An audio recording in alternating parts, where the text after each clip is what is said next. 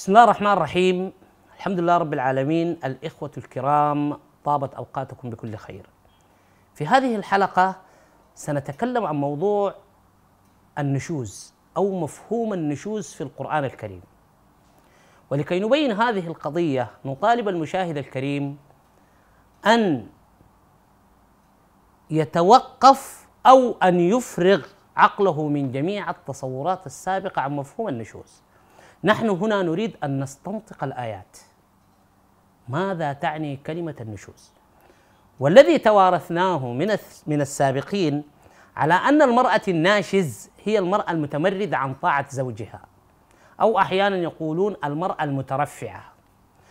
وبالتالي الرجل الناشز هو الرجل المتمرد على زوجته أو المترفع عليها. هل هذا الكلام صحيح؟ نريد أن نستنطق الآيات.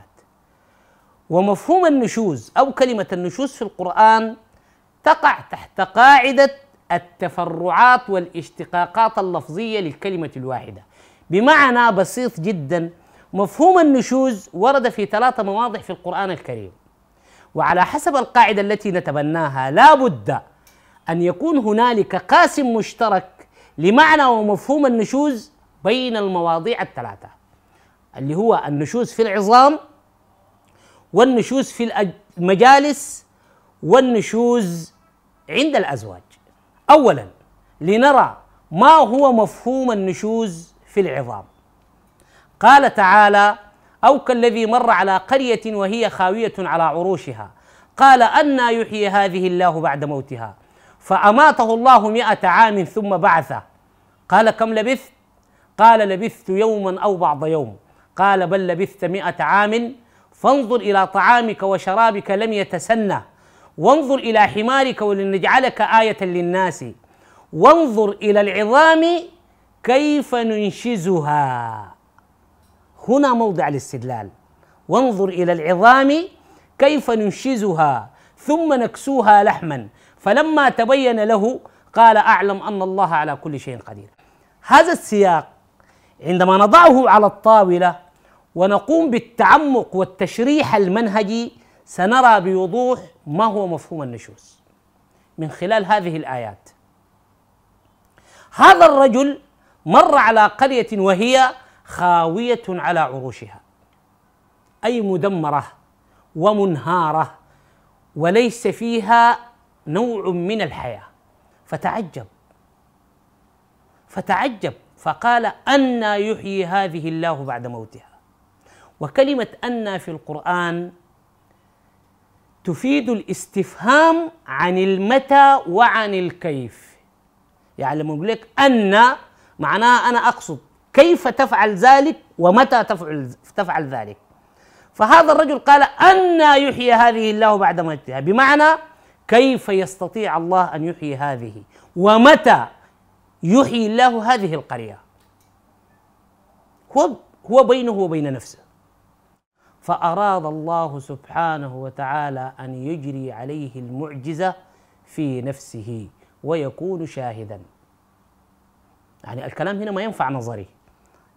زي ما نقول ربنا داري يوريه بيان بالعمل.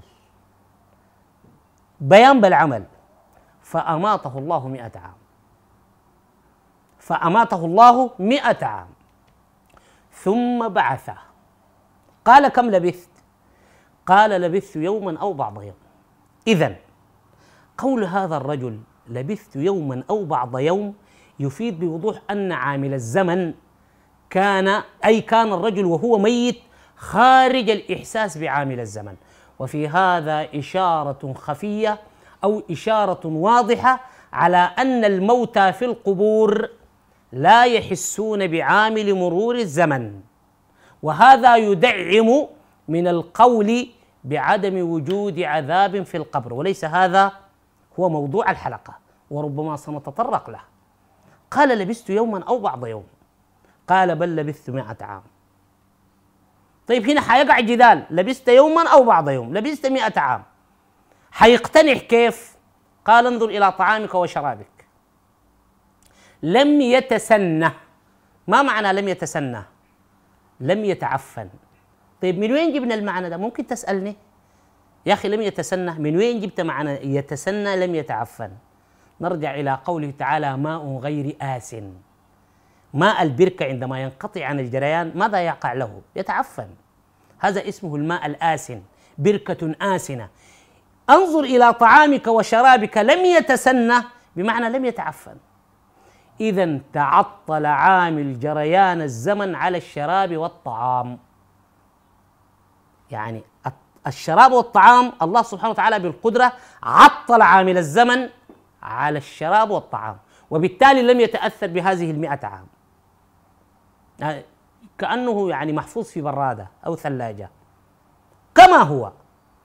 إذا لا زال هنالك الشخص لا يقتنع لأنه ينظر إلى الطعام بل وجود الطعام والشراب على نفس الهيئة يدعم اعتقاده أنه لبث يوما أو بعض يوم.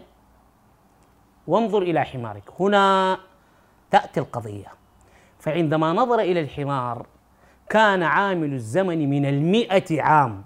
مرت على الحمار كما هي بالضبط. بمعنى أن هذا الحمار مات وانتفخ وتعفن وأكله الدود وتآكل جلده وتناثرت عظامه هنا وهناك. مئة عام. بعامل الرياح بعامل المطر بعامل الحرارة بعامل البرودة. مئة عام.